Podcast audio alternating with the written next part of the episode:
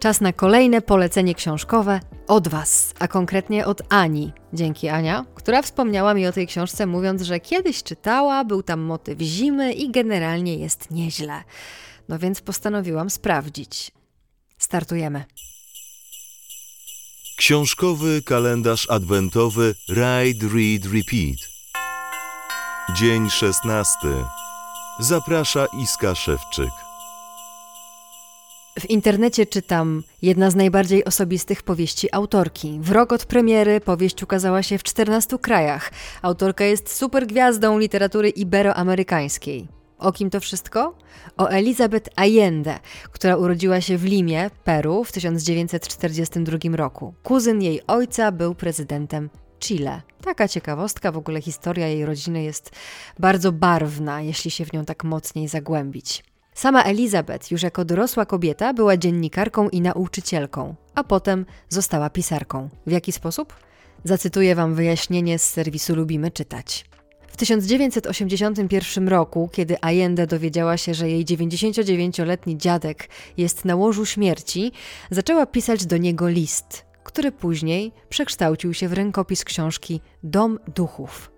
Celem tej powieści była chęć uwolnienia się od ducha dyktatury Pinocheta. Książka okazała się wielkim sukcesem, a jej autorkę zaliczono, podobnie jak Marqueza, do nurtu realizmu magicznego. To już e, któraś książka w naszym podcastowym kalendarzu adwentowym e, w tym nurcie właśnie, czyli realizmu magicznego. Sporo tego.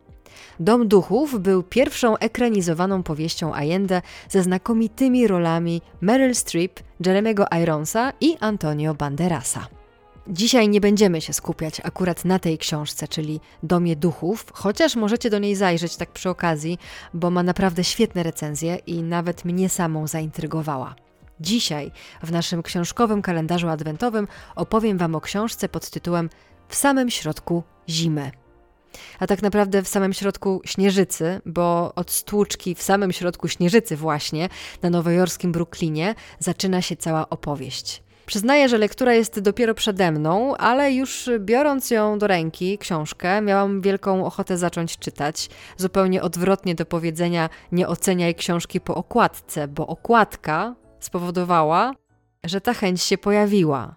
Na okładce widać rysunek, który wygląda jak malunek w zasadzie. Na pierwszym planie pojawia się taki czerwony samochód, a z tyłu na drugim planie most. Zakładam, że brukliński. Naprawdę piękna okładka z wytłoczonymi na niej napisami. Czy piękna jest też sama książka, tego niestety nie wiem, ale na pewno z różnych recenzji, które przeczytałam, wiem, że jest to książka zaskakująco niełatwa, bo okładka sugeruje, że to będzie coś prostego i też opis na okładce. Nie wiedząc o tej książce nic i patrząc na okładkę i krótkie streszczenie właśnie, można liczyć, że się dostanie trochę coś innego. Natomiast w środku, poza snującą się główną opowieścią, z tego co wiem, schowane są też wątki nieco głębsze, bardziej skomplikowane, które dotyczą m.in. historii społeczno-politycznej obu Ameryk. Więc to dużo dokładniejsza lektura, drobiazgowa i też trochę społeczno-historyczna, niż mogłoby się wydawać. Całość została zamknięta w 350 stronach. W samym środku zimy Elizabeth Allende przełożyła Katarzyna Mojkowska, wydawnictwo Muza, projekt okładki i ilustracja Anna Pol, Redakcja Irma Iwaszko, redaktor prowadzący Aleksandra Janecka, redakcja techniczna Anna Sabicka-Banaszkiewicz, korekta Kamil Kowalski. Dobrej nocy, wieczoru i do jutra.